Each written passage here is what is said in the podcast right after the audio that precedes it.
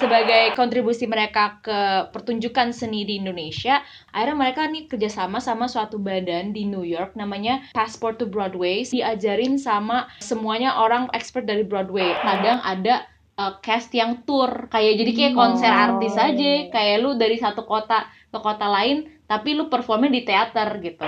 Somehow mereka tuh kayak perpaduan antara pop sama musik klasik kayak seriosa. Menurut Mbak yang paling krusial yang harus diperdalamin banget ah. buat musik performance itu apa? Iya betul. Uh, ini susah banget sih. Karena oh, mohon maaf yang iya. jadi ibu sudah Yura Yunita. Oh iya, iya. tidak bisa iya meng Mbak Yura Yunita. daftar jadi ibu ya? Iya. Nah itu jadi performing a song in a way yang kayak lo nggak cuman gerak just for it tapi lo bener-bener telling a story itu yang kayak that's what I live for secretly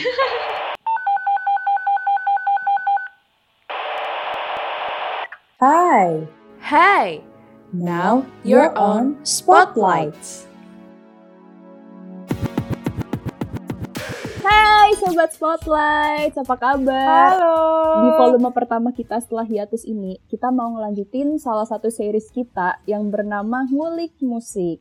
Tapi kan kalau kemarin nih Del, kita tuh ngulik musik lebih ke instrumen ya, yang main instrumen Betul. atau enggak kalau dia tergabung dalam sebuah band. Nah, kali ini ngulik musiknya lebih seru nih, karena kita mau bahas tentang performance-nya atau musical performance. Betul. Nah, ngomongin performance nih, beberapa bulan yang lalu sempat ada oprek pemain musical teater Petualangan Sherina. Nah, kalau musical teater Petualangan Sherina itu kan bentuknya drama musikal kan ya. Jadi mirip-mirip lah sama yang kayak di Broadway, di Amerika kan ada Broadway itu, terus mungkin kayak opera.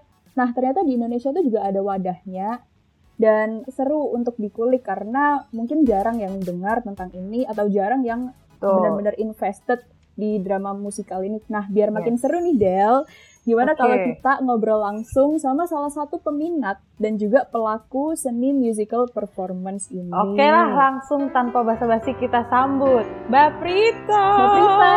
Halo. Hai Adela, hai Sasha. Halo uh, Mbak Prita. Seneng banget sih. udah mulai ini ya, udah pemanasan dulu nih kayaknya vocalizing.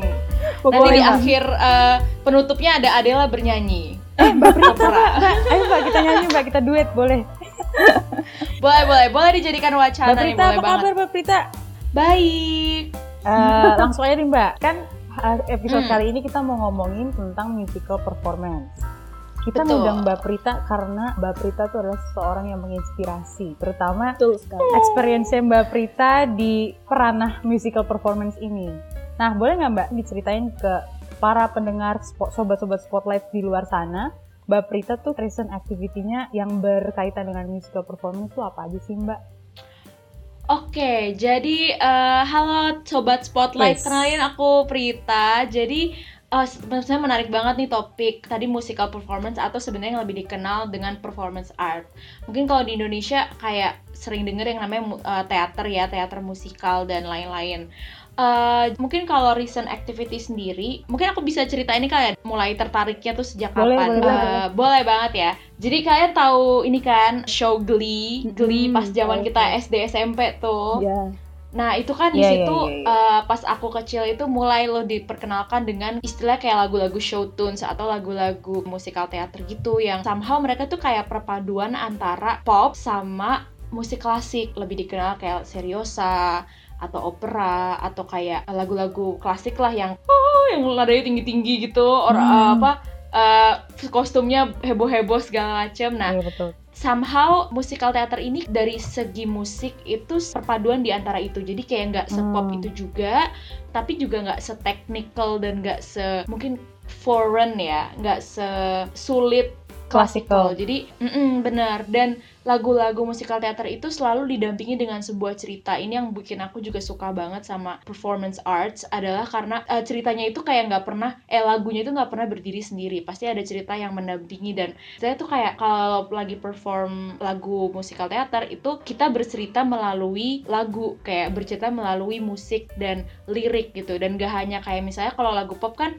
ya udah yang penting catchy atau misalnya ada satu cerita tapi simple hanya dinyanyikan dengan gitar atau instrumental dan lainnya cuman ini tuh bener-bener kayak your whole body harus mengekspresikan itu kayak lagi bersandiwara tapi lo sambil nyanyi gitu dan itu kayak bener-bener perpaduan itu tuh nano-nanonya tuh bikin yang bikin aku tuh tertarik banget Oh, nah iya, mulai betul, dari betul. Glee ini uh, kebetulan saat itu juga gue kan sempet sekolah di Purwacaraka, les vokal, terus juga aktif di choir, aktif di band UKM musik ITS, terus juga band di Oh. jurusan gue, segala macam. Mantap. Nah, gue sebenarnya belum pernah betul-betul terekspos sama dunia musikal teater itu sampai tahun lalu. Tahun lalu Hmm. suatu momen di mana Jarum Foundation itu buka sebuah audisi, sebuah acara judulnya Indonesia menuju Broadway. Ya, Oh, sesama Jarum. Jarum ya, Del.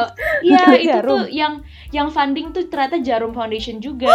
Jadi Ya jadi Jarum. Foundation itu kan punya uh, galeri Indonesia kaya di Grand Indonesia lo tau nggak? Oh, itu yang punya jarum. Yang punya tuh Jarum, yang funding Ya. sih, yang funding tuh Jarum. Nah, sebagai kontribusi mereka ke pertunjukan seni di Indonesia, mereka membentuk uh, pertama mereka emang nge-funding GIK atau Galeri Indonesia Kaya. Nah, akhirnya mereka nih kerjasama sama suatu badan di New York namanya Passport to Broadway sama Students Life yang mereka kerja itu keliling dunia dan juga sebenarnya di Amerika sih lebih concentratednya untuk mengedukasi uh, anak-anak dan anak-anak muda terkait musikal teater. Jadi kayak mengupin program drama mereka, program arts mereka dan lain-lain. Nah, akhirnya mereka kerjasama nih si Jarum ini. Terus akhirnya Jarum nih ngadain audisi satu Indonesia nasional. Kalau nggak salah gitu yang daftar tuh 700 orang apa.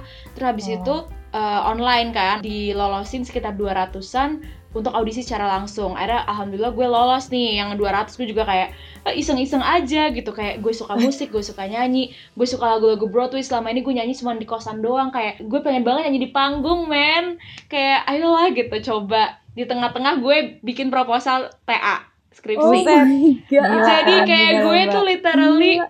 literally buat karena lolos audisi dan gue mesti ke Jakarta jadi dan pada saat itu juga gue persiapan proposal terus abis itu persiapan buat studi ekskursi ke Bali jadi gue Waduh. dari Surabaya naik kereta ke Jakarta gue audisi nyanyi ngedance acting at the same time kayak lo baru dikasih bahannya itu baru dikasih lagu kayak berapa hari sebelumnya terus lo Ha-ha. dikasih bahan bahan skrip tuh pada hari H lo kayak Aduh. pendaftaran dikasih skrip nih kayak monolog nih buat lo nanti nggak banget tes terus Aduh. abis itu pas diajarin kayak satu dance sequence literally setengah jam sebelum lo masuk jadi kayak Waduh. per grup gitu masuknya kan lo kayak dance lalala belajar koreo baru. Terus gue kayak gue bukan dancer mohon maaf. Gue gue train singer gue aktif di PSM tapi gue sama sekali gak punya hampir nol dancing skills dan acting skills gue. Jadi gue kayak ya udahlah ya whatever happens happens. Akhirnya gue perform bener-bener gue ngerasa aduh gue merasa di diri gue sendiri banget gitu. Kayak I feel so at home on that stage singing the song Uh, waktu itu gue nyanyi audisi itu lagunya On My Own dari Le- Les Miserables terus akhirnya dipanggil lagi kan kayak coba kamu uh, dance uh, apa interpretive dance apa pun. Gue kayak gue kagak bisa gerak. Terus habis itu udah um, gue bilang sama pianisnya mbak uh, melodi sedih aja deh. Yaudah gue kayak dancing aneh-aneh. Gitu deh gue kayak udah just feeling it in my in my body. Cuman kayak nggak jelas juga gitu gue nggak bisa nari nih mohon maaf.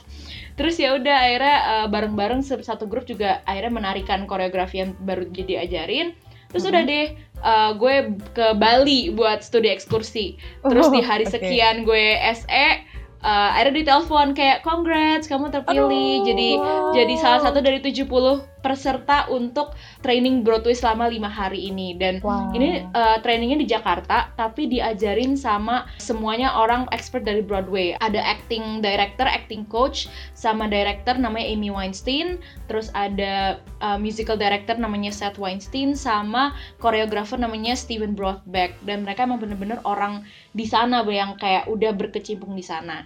Nah di situlah sebenarnya awal mulanya cinta gue terhadap musical theater dan musical performance itu makin gede Wow. dan itu bener-bener momentum banget sih karena di Indonesia belum pernah ada yang ngadain kayak gitu jadi gue pas masuk situ kayak wah gila nih orang-orang yang masuk ke sini tuh yang emang udah kerjanya emang di sini kayak mereka emang udah teater dari kecil gue ketemu lo tahu ini gak sih eh, Danang Good Luck Iya, istrinya Danang- kan ya.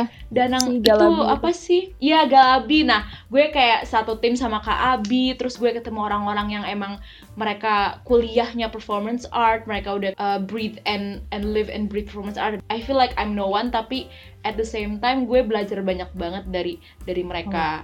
Nah, dari 70 Hmm. peserta ini dipilih 13 apa 15 peserta gitu untuk ke New York ya gue tahu diri juga sih gue udah tahu gue nggak akan kepilih tapi even though kayak gitu lima hari tersebut tuh gue di bener-bener di drill jam 8 pagi udah pemanasan baru kelar Hmm. latihan jam 8 malam lima hari berturut-turut di hari terakhir perform showcase-nya jadi Hmm. itu bener-bener experience yang life changing buat buat gue itu Wow. paling recent activity-nya terus setelah itu Waduh. um, gue balik ke Surabaya nggak banyak melakukan kegiatan sih sebenarnya karena limited banget limited banget platform untuk musikal teater ini bahkan Iya, iya. kayak teater pada umumnya itu kan juga ya udah teater aja nggak yang bernyanyi sambil berekspresi gitu jarang banget lah dan setahu gue juga produksi-produksi musikal teater tuh sangat terbatas di Indonesia nah makanya yang tadi lo MPS bilang itu groundbreaking juga sih bisa uh, tiga kali ini udah tiga ketiga kalinya kan ya mereka running running show iya, tahun lalu uh, ada. MPS tahun lalu ada terus tahun 2017 juga ada jadi ya gue harapannya yang kayak gini tuh makin banyak dan interestnya Amin. makin meluas dan Amin. makin di makin dibiayai lah sebenarnya butuhnya tuh biaya dan platform dan edukasi. Berarti pas eh, Mbak Prita ikut Indonesia menuju Broadway itu benar-benar pertama Mhm. kalinya Mbak Prita melakukan perform ala-ala Broadway gitu ya. Maksudnya sebelumnya apakah pernah tampil di panggung juga? Kalau tampil di panggung sebenarnya sering karena gue dulu kan les vokal di Purwacaraka dan itu Hmm. sampai selesai gue sampai resital. Jadi gue tuh udah sering kayak nampil di mall, tampil di kayak kafe dan resital. Wow. Resital gue pun kayak gue tampil di panggung satu konser gue mesti buat dari awal sampai akhir gue produce gue uh, Oh, gitu. setting up gue do everything gue perform segala macamnya itu uh, gue lakukan cuman uh, beda beda gitu uh, Sya karena kalau di yang di IMB itu Indonesia menuju Broadway lo bener-bener ada ceritanya lo ada dialognya Mhm. lo berinteraksi dengan orang gue seringnya adalah gue perform di panggung sendiri atau misalnya duet gitu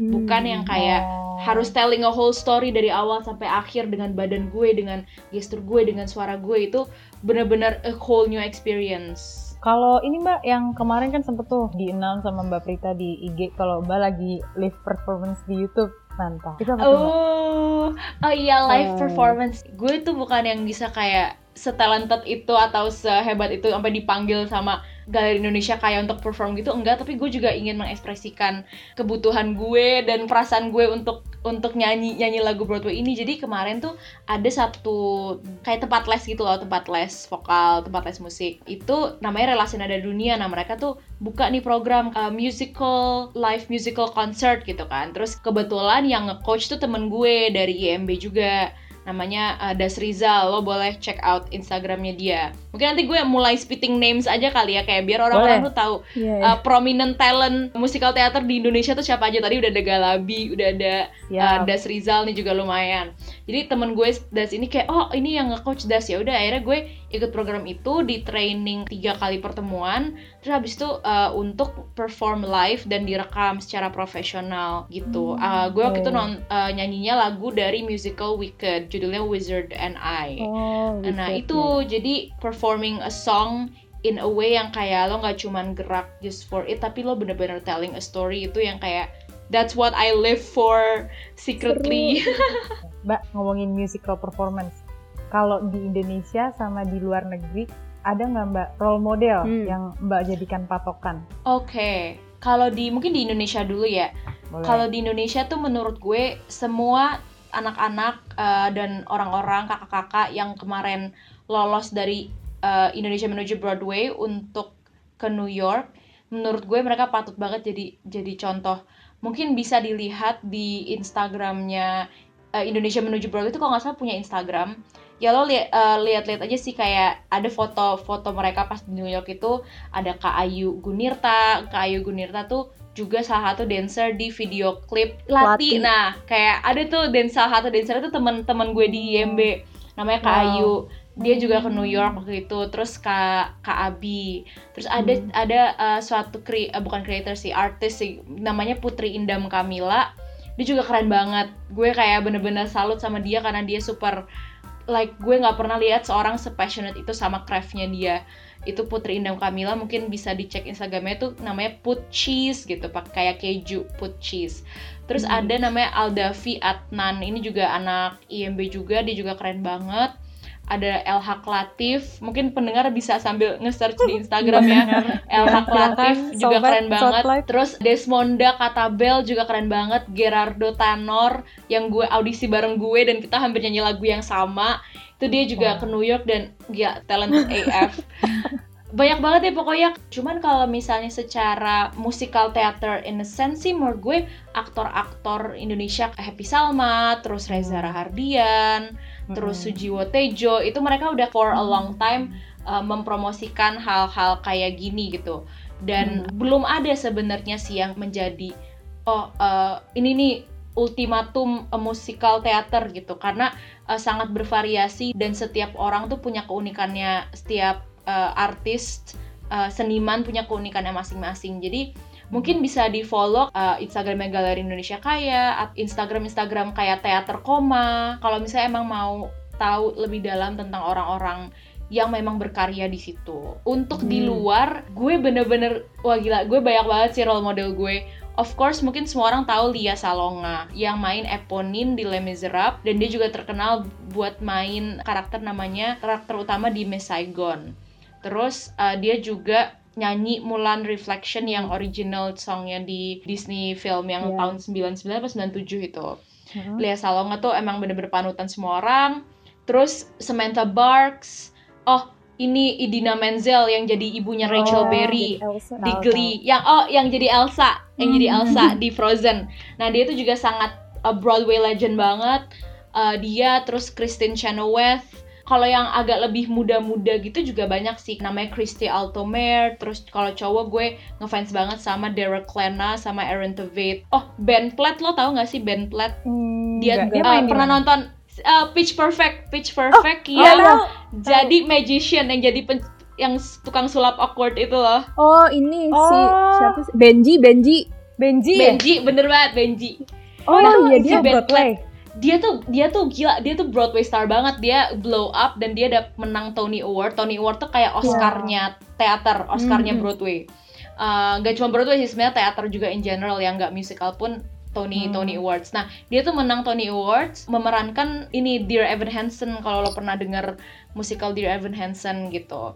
Terus of course uh, idola gue di sam- sampai ujung dunia adalah Lin Manuel Miranda Oh, kreatornya Hamilton Hamilton.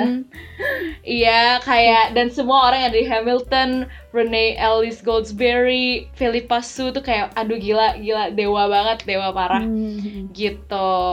Jadi gue emang lebih sebenarnya lebih interested dan familiar ke musikal Broadway modern ya, misalnya kayak Hmm. tadi gue bilang Hamilton, Hmm. Dear Evan Hansen, terus lo kalau tahu Mean Girls tuh ada musikalnya Mm-mm. iya. keren banget.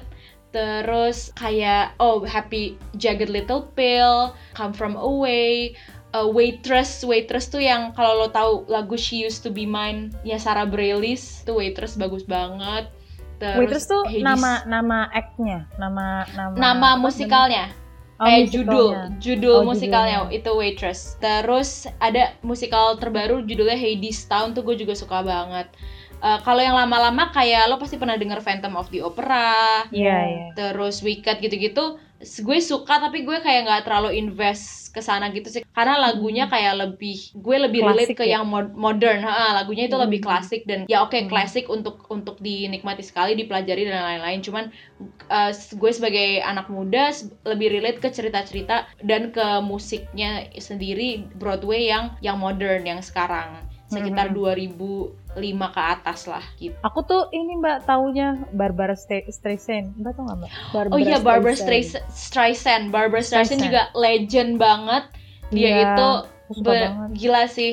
Uh, Funny Girl kan fi- film Funny Girl itu dia yang blow up banget.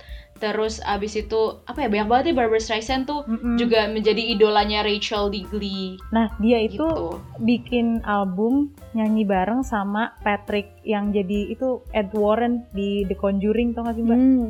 Eh, Oh, oh dia yang- bisa nyanyi. dia opera Mbak. Eh, apa sih? Sumpah, aku baru tahu. Broadway, artis Broadway makanya kayak nggak tahu ya. Pokoknya kalau artis-artis Broadway, menurut aku kalau aku habis nonton-nonton gitu ada juga yang artis drakor yang backgroundnya tuh Broadway. Itu aktingnya bagus-bagus deh. Nggak tahu kenapa ya. Apa ya? Kayak- mereka iya, bisa gitu. beda ya. Beda. Ada ada Gitu. touch ada touch lebihnya ya.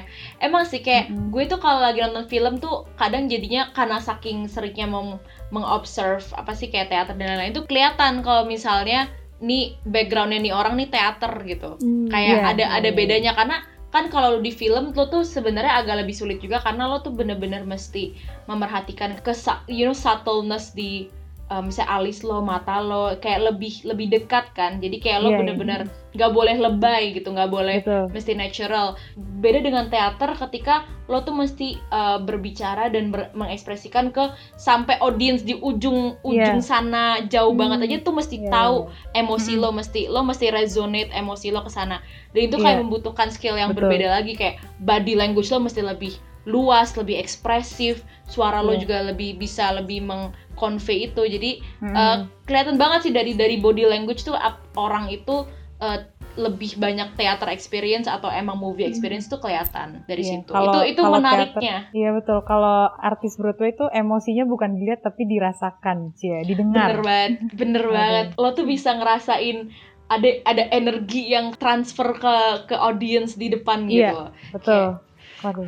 Uh, Tapi kebanyakan mbak eh, musical performance itu bisa diadaptasi menjadi sebuah film gitu kan ya? Kayak ya mungkin kebalikannya juga dari musical teater itu diadaptasi dari sebuah film tuh kayak misalnya Mean Girls terus High School Musical kan juga ada teaternya kan. Nah tapi kalau misalnya film-film The Greatest Showman oh, Greatest Showman ya, Greatest Greatest Showman. Showman, terus kayak La La Land. Nah, itu sebenarnya similar thing nggak sih sama musical performance?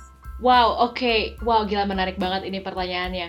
Eh bener, oke. Salah Hmm. satu contoh di mana eh, musical teater itu pertama direkam kemudian dijadikan film, kedua diproduksi ulang untuk ditranslate ke film. Iya. Itu beda banget. Mungkin pernah dengar West Side Story nggak? Nggak pernah ya? Kayaknya pernah sih. denger tapi sekilas gitu, Mbak. Hmm, oke. Eh, ini ada satu cerita yang di mana dia berawal dari eh, teater, kemudian dia ditranslate ke film, film musikal, yang jadinya Mhm. kayak bener kayak High School Musical, Greatest Showman. Eh, mostly ketika di teater untuk ditranslate ke film itu akan berbeda karena pasti ada kamera kamera work yang berbeda, kemudian Oh. kostumnya juga akan berbeda. Terus flow story-nya itu kan akan lebih fleksibel sebenarnya kalau di film. Karena kalau Hmm. di teater kan kita cuma punya satu panggung, justru orang dan propertinya yang harus bergerak gitu kan, Iya, bukan iya, Betul, betul. bukan tempatnya. Tapi kalau di film itu bisa mengekspresikan dengan misalnya angle, kemudian lighting, atmosfer, color grading segala macem, sound production. Tapi kalau misalnya teater tuh nggak bisa diedit-edit gitu kan Iya, istilahnya betul. lah ya. Nggak bisa di Iya, Gitu. iya, jadi jadi pasti language yang digunakan uh, directors, digunakan producers dan digunakan actors dan semua orang yang yang terlibat di situ akan berbeda gitu. Mereka mentranslate Hmm. dengan dengan berbeda. Nah, itu itu sebenarnya menarik banget sih. Dan ada juga satu lagi case yang uh, kayak Hamilton nih, Hamilton bar uh, produksinya sendiri di di syuting di panggung dan kemudian dirilis menjadi film. Mm-mm. itu bukan akan berbeda kalau misalnya nanti Hamilton dijadiin film terpisah lagi gitu. Iya, dijadiin iya, film kan berarti ada setnya ada lokasi syutingnya dan lain-lain kan. Jadi itu akan akan sangat berbeda. Kembali lagi kayak sebenarnya medium-medium kayak Greatest Showman, La La Land itu menjadi jembatan antara orang yang suka nonton film aja dan orang yang suka musikal teater. Dan ini kayak mereka Hmm. meet in the middle gitu. Mm-mm. sebenarnya kelihatan sih kayak misalnya emang orang yang nggak enjoy uh, musik kayak ya elah nyanyi lagi nyanyi lagi Iya, gitu iya, misalnya bener. kayak ya elah kayak gini nyanyi gitu ya udah Iya. it's not Iya, their thing tapi iya. kalau orang seperti aku mungkin seperti Adela dan Sasha juga wah gila ini jadinya making theater approachable banget making the world of of musical tuh approachable gitu makanya dengan adanya High School Musical dan dengan adanya Glee itu sebenarnya berjasa banyak terhadap perkembangan musikal teater secara edukasi maupun secara interest di seluruh dunia gitu kan dan kalau gue Betul. nih kayak gue nggak akan pernah bisa nonton Broadway show di New York nggak ada duit men kayak mungkin satu saat Iya, tapi bener. Oh, kayak gue tetap terekspos dengan musikal teater lewat atau dengan musical films gitu lewat kayak High School Yeah. Musical dan Glee misalnya gitu dan I wouldn't know what I I would would do kalau misalnya gue nggak terekspos sama mereka mungkin gue kayak "Ya udah akan stuck dengan pop dan lain-lain aja gitu Iya, nggak akan betul. kayak wah gila ini gue banget nih gitu Mbak, tapi kan eh, kalau aku ya, aku tuh termasuk orang yang in between gitu loh. Aku enjoy nonton kayak The Greatest Showman, La La Land. Pas aku nyoba nonton Hamilton, aku tuh kayak aduh boring banget gitu. Pasti ada kan maksudnya kayak eh, ya itu mungkin bukan my cup of tea gitu. Tapi waktu Mm-mm. aku lihat sebenarnya Hamilton itu film pertama yang aku lihat yang bentuknya kayak gitu, yang musical performance banget gitu kan, bukan film kayak High School Musical. Yang bikin aku amazed adalah itu ada banyak banget kan orang dan mereka itu koreonya beda-beda. Pas ngelatih itu gimana sih? Maksudnya apakah emang mereka tuh diajarin koreo yang berbeda? Wah gila, ini bener-bener ini gue juga baru tahu prosesnya itu ketika gue join IMB. Jadi uh, Hmm, pas di IMB itu kan ada menarik 70 nih. Seru nih. peserta dibagi ketiga ketiga kelompok nih. Ketiga kelompok buat kayak masing-masing tuh punya performance masing-masing. Jadi gue yang kelompok gue bareng Galabi dan lain-lain itu. Di satu kelompok itu juga ada kayak flow-nya. Jadi gue waktu itu dikasih skrip beberapa hari sebelum hari pertama kita latihan, dikasih skrip anjir kayak setebel lebih tebel dari skripsi jadi gue akhirnya tahu kayak oh dialog tuh nulisnya gimana sih? Per dialog pun posisi tiap orangnya tuh ada digambarin. Nanti next dialog posisi orangnya udah berbeda. Misalnya akan koreonya akan berbeda dia akan pindah ketika dia ngomong apa dia akan pindah ketika musik ini uh, muncul itu juga ada. Wah gila ini bener-bener detail dan intricate banget. Gue bertakjub banget sama se- proses kreatifnya ini. Iya, iya. karena sedetail itu. Dan akhirnya pas hari H tuh si koreografernya si Steven ya udah misalnya kita kayak oke places places di first spotnya. Kayak gue akhirnya tahu ada mark. Misalnya ini panggung nih. Jadi di panggung tuh kayak sectionnya tuh dinomorin gitu kayak dua empat enam delapan pokoknya genap deh. Nah eh, misalnya Amber lo karakter lo namanya Amber misalnya. Amber places di em, apa front left stage di antara 8 sama 6 gitu di 7 gitu misalnya. Ya udah lo kayak harus tahu gitu. Upstage downstage itu istilah-istilahnya dan eh, right stage left stage apa bisa diajarin koreonya kemudian diajarin lokasinya gue berpindah di mana itu dilatih lagi dan lagi. Selain itu gue juga mesti ekspresif mesti dapet have to be honest harus eh, adalah proses-proses eh, apa namanya menguakkan sisi acting kayak lo tuh ya nggak boleh fake lo nggak boleh acting lo harus bener-bener jadi karakter lo. Kayak lo kalau kaget ya jangan kayak ah kaget gitu ya. Enggak lo bener-bener mesti lo kaget gitu misalnya. Hmm, kayak lo seneng nggak boleh kayak ah fake gitu ya nggak bisa gitu. Nah itu tuh bener-bener anjir di dicaci maki di drill banget sama si namanya Bu Amy ini Amy Weinstein. Iya, iya, iya. yang kayak.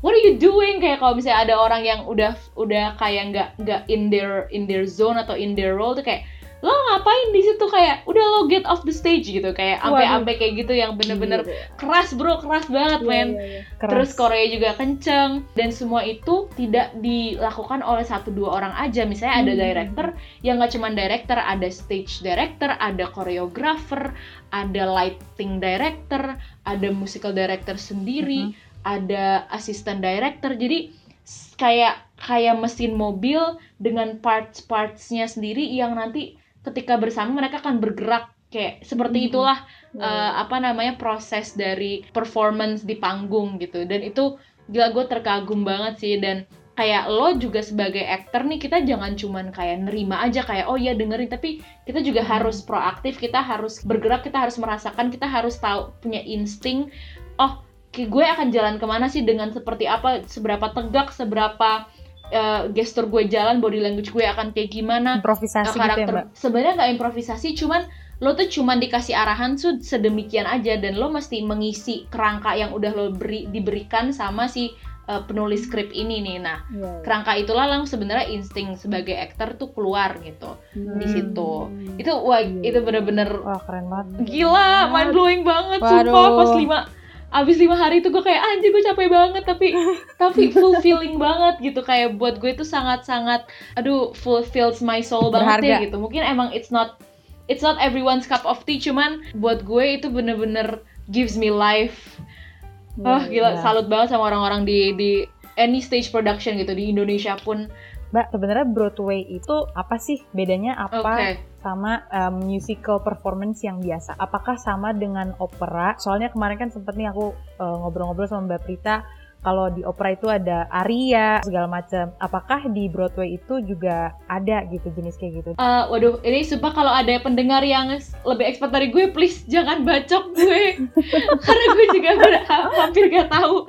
Oke, jadi eh, se- tapi basically gini, eh, opera itu kayak suatu apa ya genre sendiri gitu. Nah, operatic performance ini eh, yang tadi Adela bilang aria, itu aria itu sebenarnya adalah jenis lagu solo eh, yang dibawakan oleh penyanyi cewek maupun cowok itu kayak ini deh kayak ya udah lo misal lagu lagu pop misalnya di satu Hmm. album ada lagu let's say R&B nih R&B soul apa terus Hmm. ada yang bagian gospel yang ada choirnya itu kan rame-rame terus ada yang Ya. bagian ada lagu yang sendiri nah yang sendiri itu kalau di opera namanya aria Hmm. gitu Nice. kalau pertanyaan Adela yang apa itu Broadway sebenarnya Broadway itu hanya sebuah lokasi di Hmm. New York Ya. ya it's Hmm. it's uh, it's kayak lu kayak di Jakarta Menteng gitu lah Yeah. misalnya Sudirman gitu ya Eh. Broadway gitu Broadway di New York Hmm. cuman kebetulan kayak di situlah Lahir. tempat lahirnya Hmm. musikal teater gitu dan akhirnya Right. terkenal lah orang ngomong sini kayak oh Broadway Broadway Broadway gitu karena ada distinct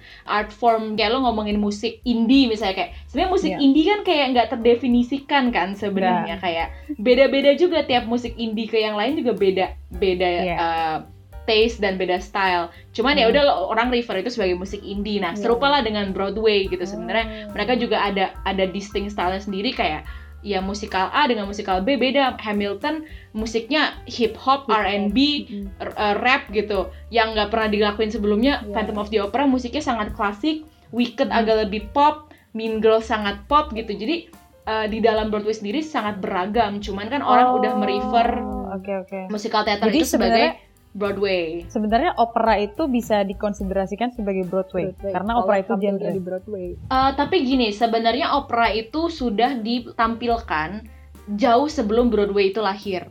Eh jauh sebelum Oh, musikal teater oke. uh, bertajuk Broadway itu lahir. Kayak udah dari zaman barok kan udah ada opera. Barok Iya. tuh berarti Bach, ke klasik berarti Mozart, terus abis itu ke zaman romantik itu Chopin. Opera itu selalu ada dan opera biasanya di-perform di teater-teater yang adalah sejenis yang bulat gitu kan lebih Mhm. ada arsitekturnya sendiri karena dia harus meresonansikan suara dengan sedemikian rupa.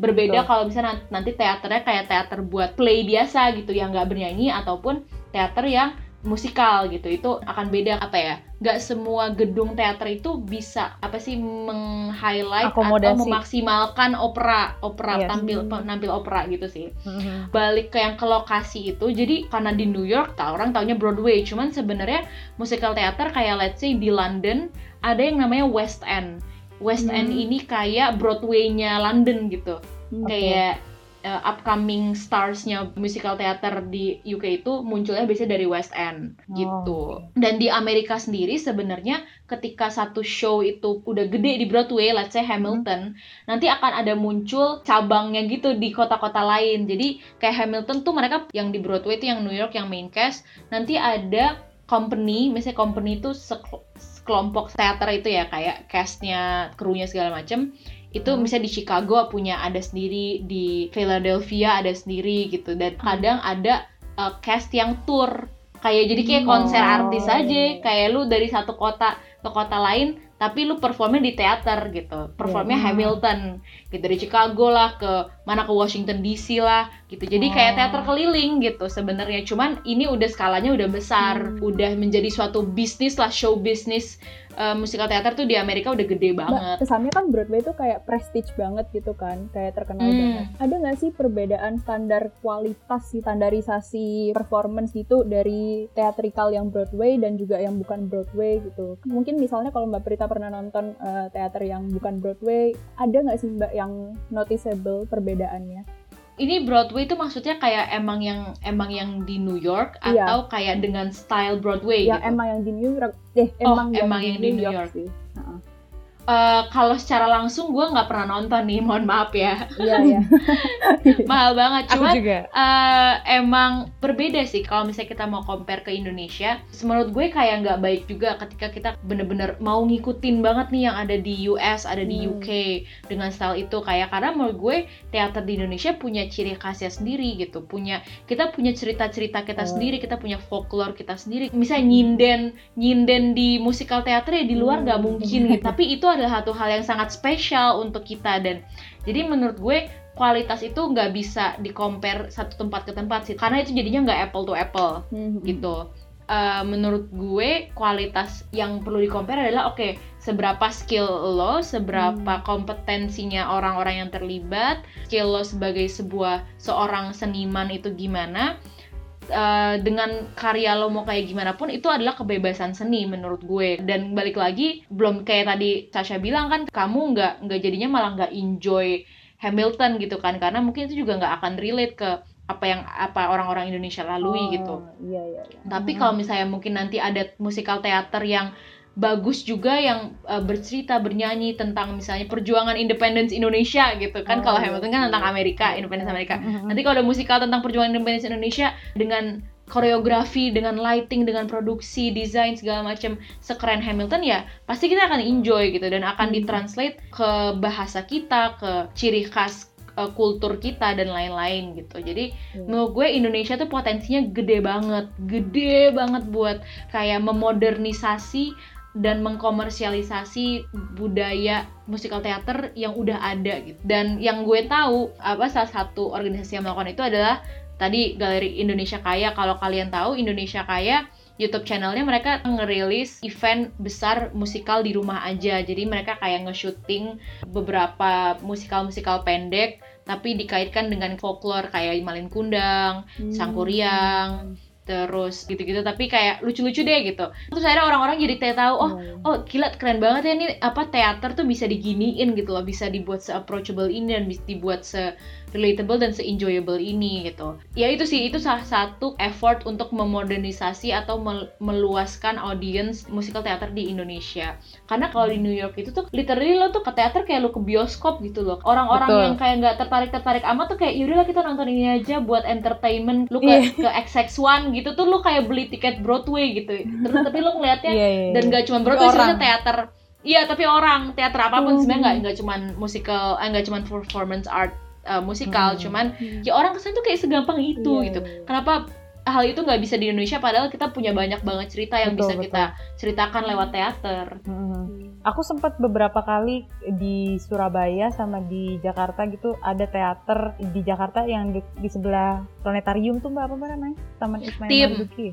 Ya tim itu kan suka ada tuh apa, beberapa kali tampilan teater tapi nggak ada nyanyi-nyanyi dan kalau nyanyi Hmm. pun mungkin pakai bahasa lokal bahasa Jawa nyinden gitu-gitu mungkin opera kan opera suka ada yang pakai bahasa Jerman gitu kan mbak Nah, Mm-mm. mungkin kayak gitu. Terus kalau di Surabaya tuh di balai kota kan suka ada tuh eh, waktu itu pernah lihat ada show cerita rakyat gitu. Cuman waktu itu nggak sempat Oh. nonton. iya iya gue baru tahu tuh yang di balai kota nggak pernah lihat Iya. Mbak Prita, kan kalau di Indonesia nih ada ada kayak lenong, terus wayang orang. Nah, itu sebenarnya termasuk musical performance juga kan ya? Kan mereka juga nyanyi, Iya. terus acting gitu ya.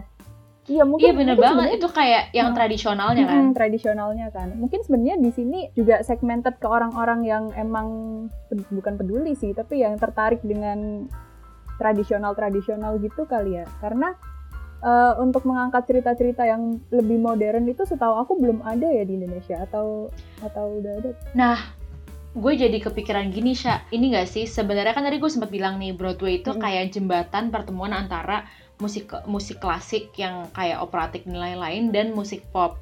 Sehingga ada ada titik temu di mana mungkin orang yang kedua yang suka kedua hal tersebut itu ber- eh, jadinya suka Broadway.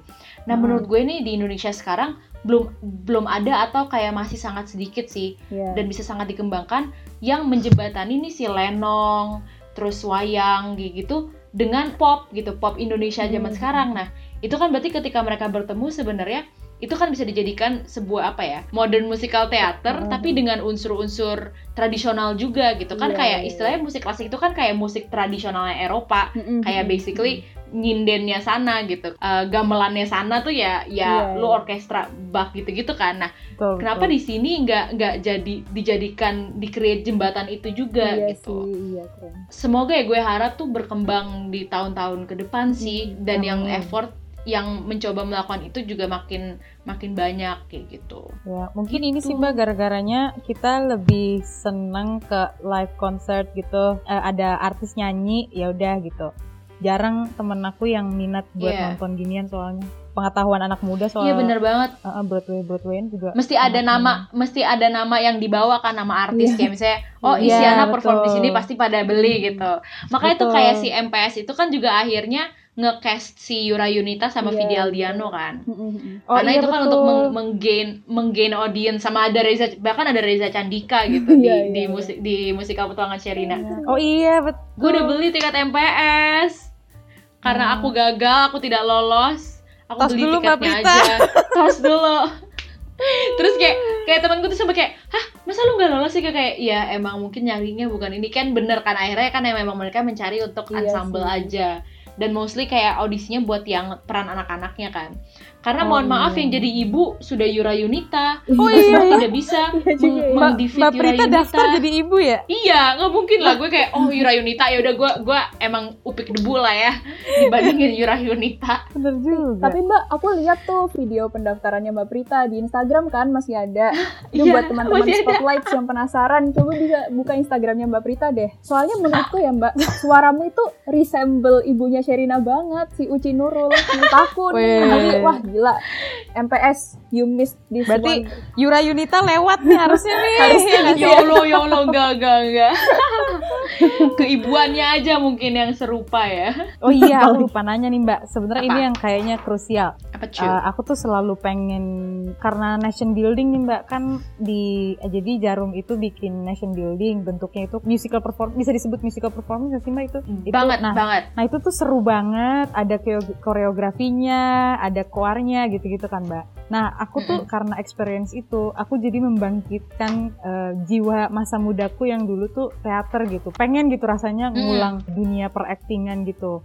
Nah kira-kira kalau udah tua bangka seperti ini ada nggak sih mbak cara untuk ikut hal seperti itu gitu loh? Apa yang harus disiapkan gitu?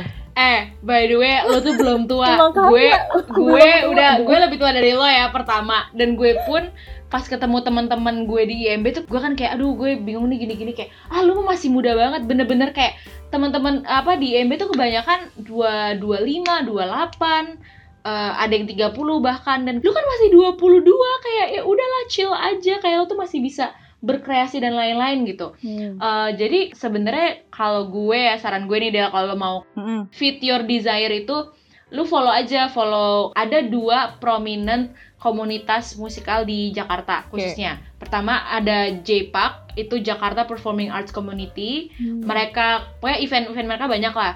Itu terus kedua itu Jaksikal eh, Jakarta Musical Jaksikal. eh, Community. Eh, nah follow aja tuh follow dua itu kayak mungkin kalau follow relasi nada dunia tuh tempat yang ngadain event yang gue ikutin itu follow dan cari komunitas-komunitas teater aja. Jadi nanti kalau misalnya mereka ada audisi kalau mereka ada event eh, lo bisa nonton gitu. Atau mereka misalnya ngadain kelas. Ini sebenarnya salah satu jalan sih karena kalau misalnya emang mereka kan lebih sebenarnya lebih ke ca- cater ke orang yang memang mau berkarir di sana atau mau berkecimpung di dunia itu. Sebenarnya kan kalau gue kayak setengah sambian aja kan. Tapi Iya. kalau lo bener-bener mau improve your skill lo mungkin bisa ikut kelas yang dibuka misalnya suka, mereka suka ada ngadain kelas oh, kelas acting eh, apa preparing and for audition musical audition Iya. misalnya atau kelas improving jazz teknik gitu di dance atau gimana nah itu lo ikut aja gitu karena dari situ pasti nanti kayak kalau ada acara atau kalau ada event lagi kan lo akan di share nih di grup WA-nya atau di email email listnya kayak gitu-gitu jadi Mm-mm. uh, building community dan building network di sana sih sebenarnya uh, kuncinya itu ada di situ Hmm, gitu. gue juga sebenarnya basic skillnya mau belajar aja sih sebenarnya karena lo nyanyi ya pasti basic lah lo nggak harus bagus-bagus banget tapi nggak fales gitu. Mm-mm. kalau misalnya emang mau ya lo belajar cari guru. Kalau bisa tadi gue bilang backgroundnya dia klasik gitu. Karena Oh, balik iya, lagi betul, betul. gue baru belajar teknik yang betul itu ketika gue masuk PSM dan coachnya adalah memang backgroundnya klasik. Itu baru Betul. teknik gue bener selama sebelum itu selama SMA gue ternyata teknik gue nyanyi itu salah. Dan teknik nyanyi salah tuh bukan yang kayak jelek ya tapi kayak malah nggak sehat buat lo gitu nggak sehat buat gue tenggorokan gue jadi Hmm, jadi ketarik Oh. pita suara gue jadi terabuse dan lain-lain. Terus misalnya gue ini yang gue pengen sih ini ikut dance classes aja. Ada tuh namanya Step Dance Academy ada kayak banyak lah cari aja dance classes Jakarta gitu misalnya. Udah deh nanti kalau misalnya dari situ lo akan ketemu orang-orang yang interest sama dengan lo lo jadi Amin. Terus kalau bisa lo bikin cover mungkin gak harus lo rilis tapi untuk untuk simpanan lo sendiri aja un- untuk evaluasi lo sendiri dan belajar sendiri gitu Oke. Uhu, seru ya kayaknya ya. uh gue Mbak, Adela Mbak, tapi eh, dari acting, nyanyi, sama ngedance, menurut Mbak yang paling krusial yang harus diperdalami banget Ah. buat musical performance itu apa? Iya, betul. Uh, ini susah banget sih karena ya? bener-bener di kalau ultimatumnya musikal teater ya apalagi kalau di luar negeri itu lo mesti triple threat. Triple threat Oh. itu you have to be good in dancing, you have to be good in acting, sama you have to be good in singing. Intinya semua. Cuman menurut menurut gue dari semua itu sebenarnya pondasinya adalah acting karena kayak Hmm, kalau lo bisa iya, sebisa nari Ekspresi apa pun ya. lo, sebisa nyanyi apa pun lo, kalau lo nggak bisa membuat cerita itu atau karakter itu believable, percuma. Gitu. loh. Semua itu percuma. Hmm. Kembali lagi ke acting skill lo gitu. Jadi karena ya juga namanya teater, teater tanpa musik dan dance tetap akan harus acting. Susah juga Iya. kalau misalnya lo oh lo act, actor tapi lo nggak bisa nyanyi sama sekali dan lo nggak nggak bisa dance itu kan berarti ya lo stuck aja di uh, teater aja gitu lo nggak bisa meranah ke musikal kayak gitu. Jadi sebenarnya tergantung sih lo datang dari mana dan lo interestnya lebih ke mana dan strength lo tuh apa. Nah, Mbak, kan ngomongin acting nih. Aku sebenarnya penasaran aja nih soalnya beberapa kali aku nonton apa drama, nonton film, nonton theater act gitu. Biasanya ada momen intimate gitu kan, Mbak. Entah ciuman kayak gitu-gitu. Gimana cara convey emotion tapi nggak baper? Wadaw, udah ngomongin baper-baperan nih agak sulit ya. Pernah Eh, nggak, Mbak? Kayak kamu harus mendalami peranmu sebagai orang yang jatuh cinta. Eh, cinta beneran gitu, Mbak. Ada nggak, Mbak? sebenarnya ya banyak kan nggak sih jadinya yang kasusnya chinlock gitu nggak sih gara-gara Oke. mereka di itu nah cuman menurut gue namanya aktor tuh pasti memiliki emotional intelligence yang sangat tinggi itu udah pasti Betul. gue sendiri belum pernah mempunyai pengalaman itu cuman yang gue observasi dari seniman-seniman lain mereka lebih bisa memisahkan antara diri mereka dan karakter mereka. Jadi mereka memandang karakter mereka tuh sebagai teman gitu sebagai orang lain tapi mereka step into their shoes dulu. Mereka being them dulu. Ah, beda-beda sih aktor tuh banyak metodenya beda. Ada yang method acting method acting tuh yang sampai kayak oh ya kalau misalnya lo adalah orang memerankan orang yang terkurung seumur hidup ya lu tiga bulan gak keluar kamar gitu biar Oh. mendalami. Nah itu ada juga yang aktor yang aktor yang kayak gitu yang method acting. Benar-benar. cuman ada juga aktor yang talented banget sehingga mereka bisa nge-switch aja kayak in the click of the hand tuh. Tiba-tiba mereka jadi diri mereka sendiri abis itu mereka action abis itu langsung langsung jadi karakter itu sendiri. Itu juga ada. Jadi method setiap seniman itu berbeda cara cara mereka berbeda. Mamaku punya temen uh, aktor yang dia memerankan suatu karakter di teater kemudian sampai setelah runnya udah selesai kan kayak dua kali tiga kali show gitu.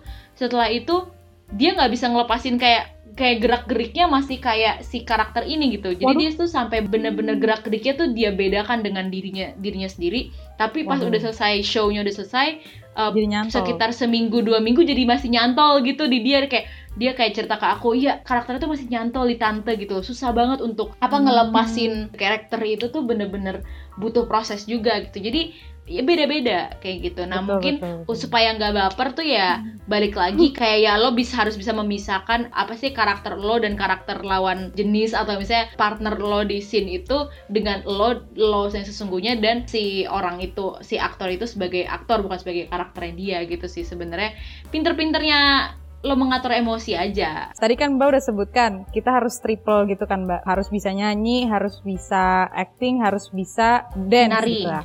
Ah, ah.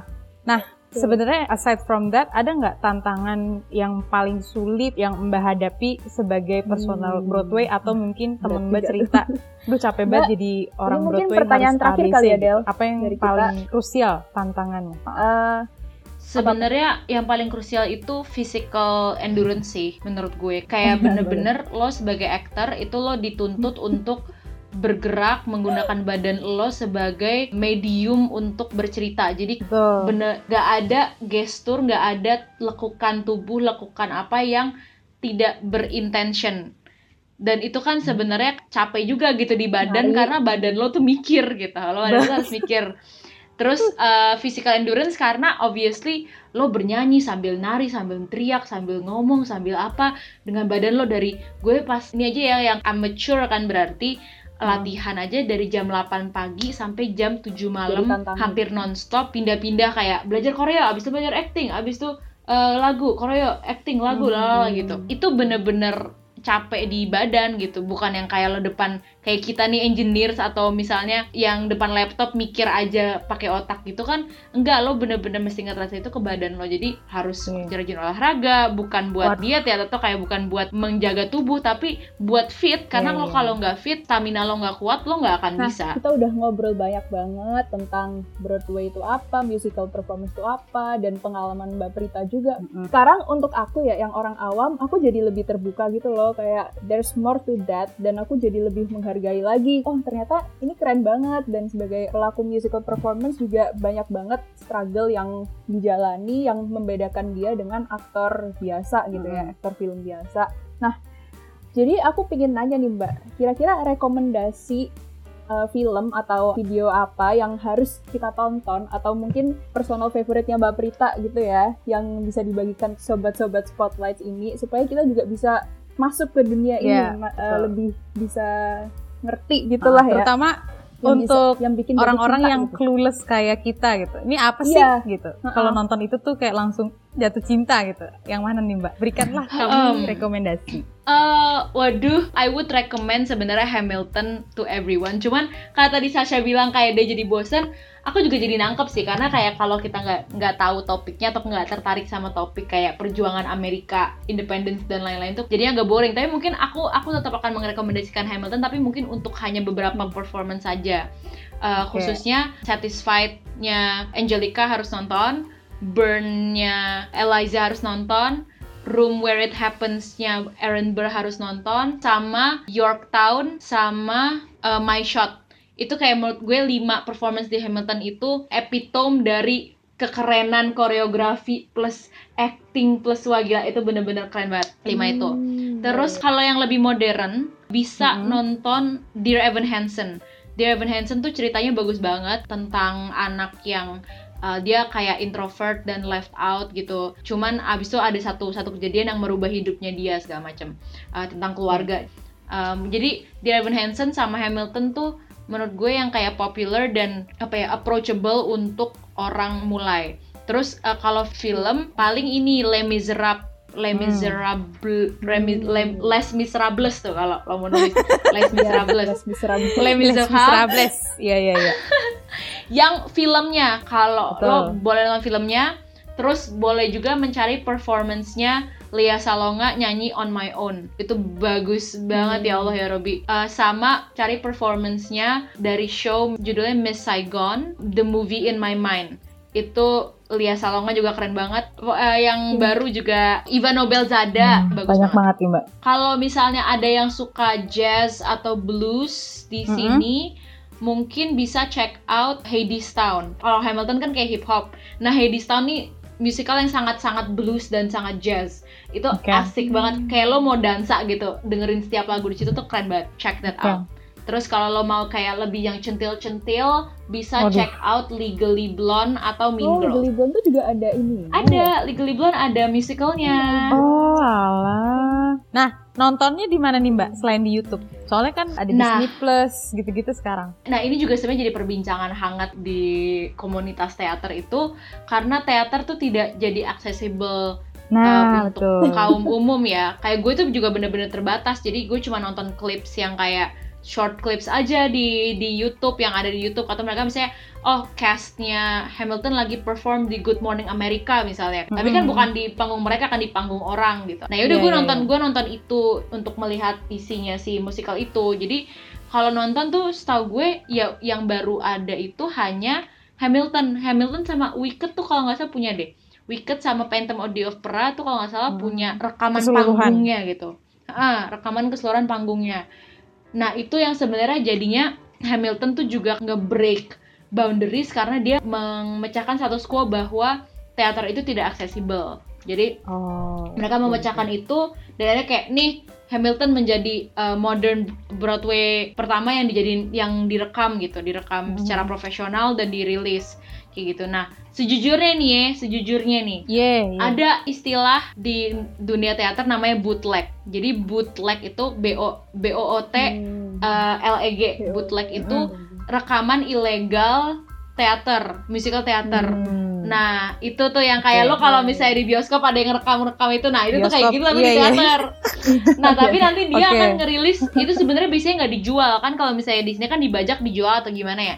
Ini ya ditaruh Iya. di YouTube gitu karena sebenarnya ada kontroversi juga karena in dalam satu sisi uh, ini jadi tidak merespek uh, karya Hmm. seninya itu sebagai satu kesendirian jadi kayak mencuri kan mencuri karya Iya, orang betul. gitu atau mencuri pendapatan orang Iya. sebenarnya tapi di other hand banyak banget orang di sana yang nggak punya akses yang nggak bisa ngeliat itu secara langsung Hmm. dan produksinya pun nggak akan mengeluarkan recording profesional kayak Hamilton gitu. Karena mereka nggak Oh, punya duit karena itu Iya. mahal karena itu takutnya nggak akan mengenerate uang sebanyak itu gitu. Jadi banyak banget kontroversi terhadap itu. Nah gue jujur gue sendiri pernah juga menonton bootleg gitu. Karena di mana lagi gue akan melihat referensi ini di mana lagi gue bisa mencari ini gitu. Jadi tapi semenjak Hamilton keluar film jadinya oh udah gue nonton Hamilton ya yang professional recordingnya gitu untuk merespek. Hmm. tapi untuk show-show yang belum ada itu clips yang di yang dikeluarkan sangat limited ya mau gimana? Gak di cuma di Indonesia gitu misalnya kayak di Norway gitu kan ya kayak susah gitu mau ke US Mhm. di Australia orang di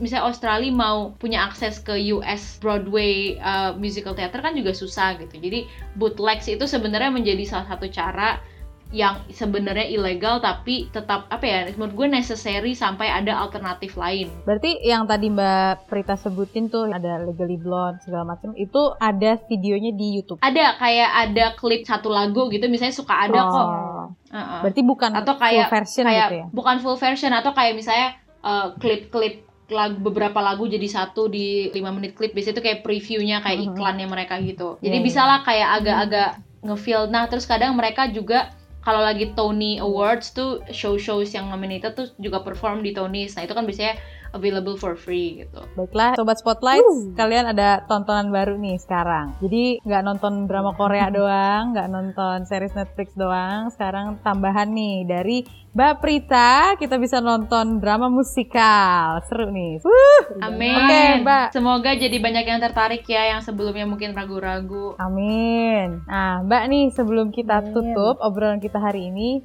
boleh dong Mbak, uh, aku ingin tagih janji pada saat memulai podcast ini untuk Mbak Prita menyanyikan sedikit lagu. apaan nggak ada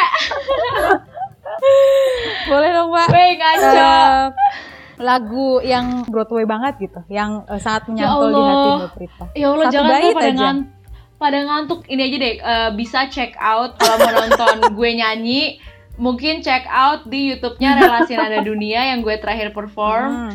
virtual musical concert episode 2 ada gue di situ boleh ditonton. Kalau sekarang kayaknya mending kita Satu pamit satu dulu bait deh. ya satu bait, satu bait. Satu bait apa ya? Supaya orang-orang tuh mengenal karakteristik suara penyanyi Oh Broadway my gitu. god. Kan Mbak Prita tuh Oh suaranya God, tuh apa ya beda gitu loh Mbak, kayak opera gitu loh Mbak. Kalau Nadine Amizah itu kan pop kayak unique indie. pop gitu kan. Tapi kalau Mm-mm. Mbak Prita tuh ada eh gimana sih? Aku nggak bisa nyontoin. Pokoknya kayak di teater gitu. Anjing aku banget. Eh, bentar, bentar. Sumpah ini aneh banget kalau gue cuma nyanyi depannya doang. Eh refnya ref eh, apa ya yang yang itu uh, chorus chorus Ya, Bagian klimaks. bagian klimaksnya. oh gue nyanyi. Oh Hamilton aja, Hamilton aja. Boleh, Bentar, mangga, bentar, bentar. Oh iya Hamilton. Iya, iya, iya. boleh boleh. Helpless aja nih, helplessnya Hamilton nih. Oke. Nah, bentar. Helpless. Look into your eyes and the sky's the limit. I'm helpless. Down for the count and I'm drowning in 'em. Udah ya? Gak tadi? Udah, ye, tepuk tangan dong buat Mbak Prita, ye. Eh cukup gak? Itu cuma kayak berapa detik gitu kan? Gak apa-apa kan? Gak apa-apa udah, yang penting ada vibratonya tuh kerasa gitu Ya loh. Mbak, sampai Nggak dalam jiwa. Terima kasih ya Mbak Prita, udah mau kita Terima kerjain. sama. Sama-sama ya Allah. Makasih banyak. Gue di. Terima kasih. Semoga nggak kapok banyak, dijadikan Prita. narasumbernya Spotlight. Sama-sama. Sampai jumpa di episode Spotlight Iya. yang selanjutnya. Dadah. Thank you. Dah. Bye-bye.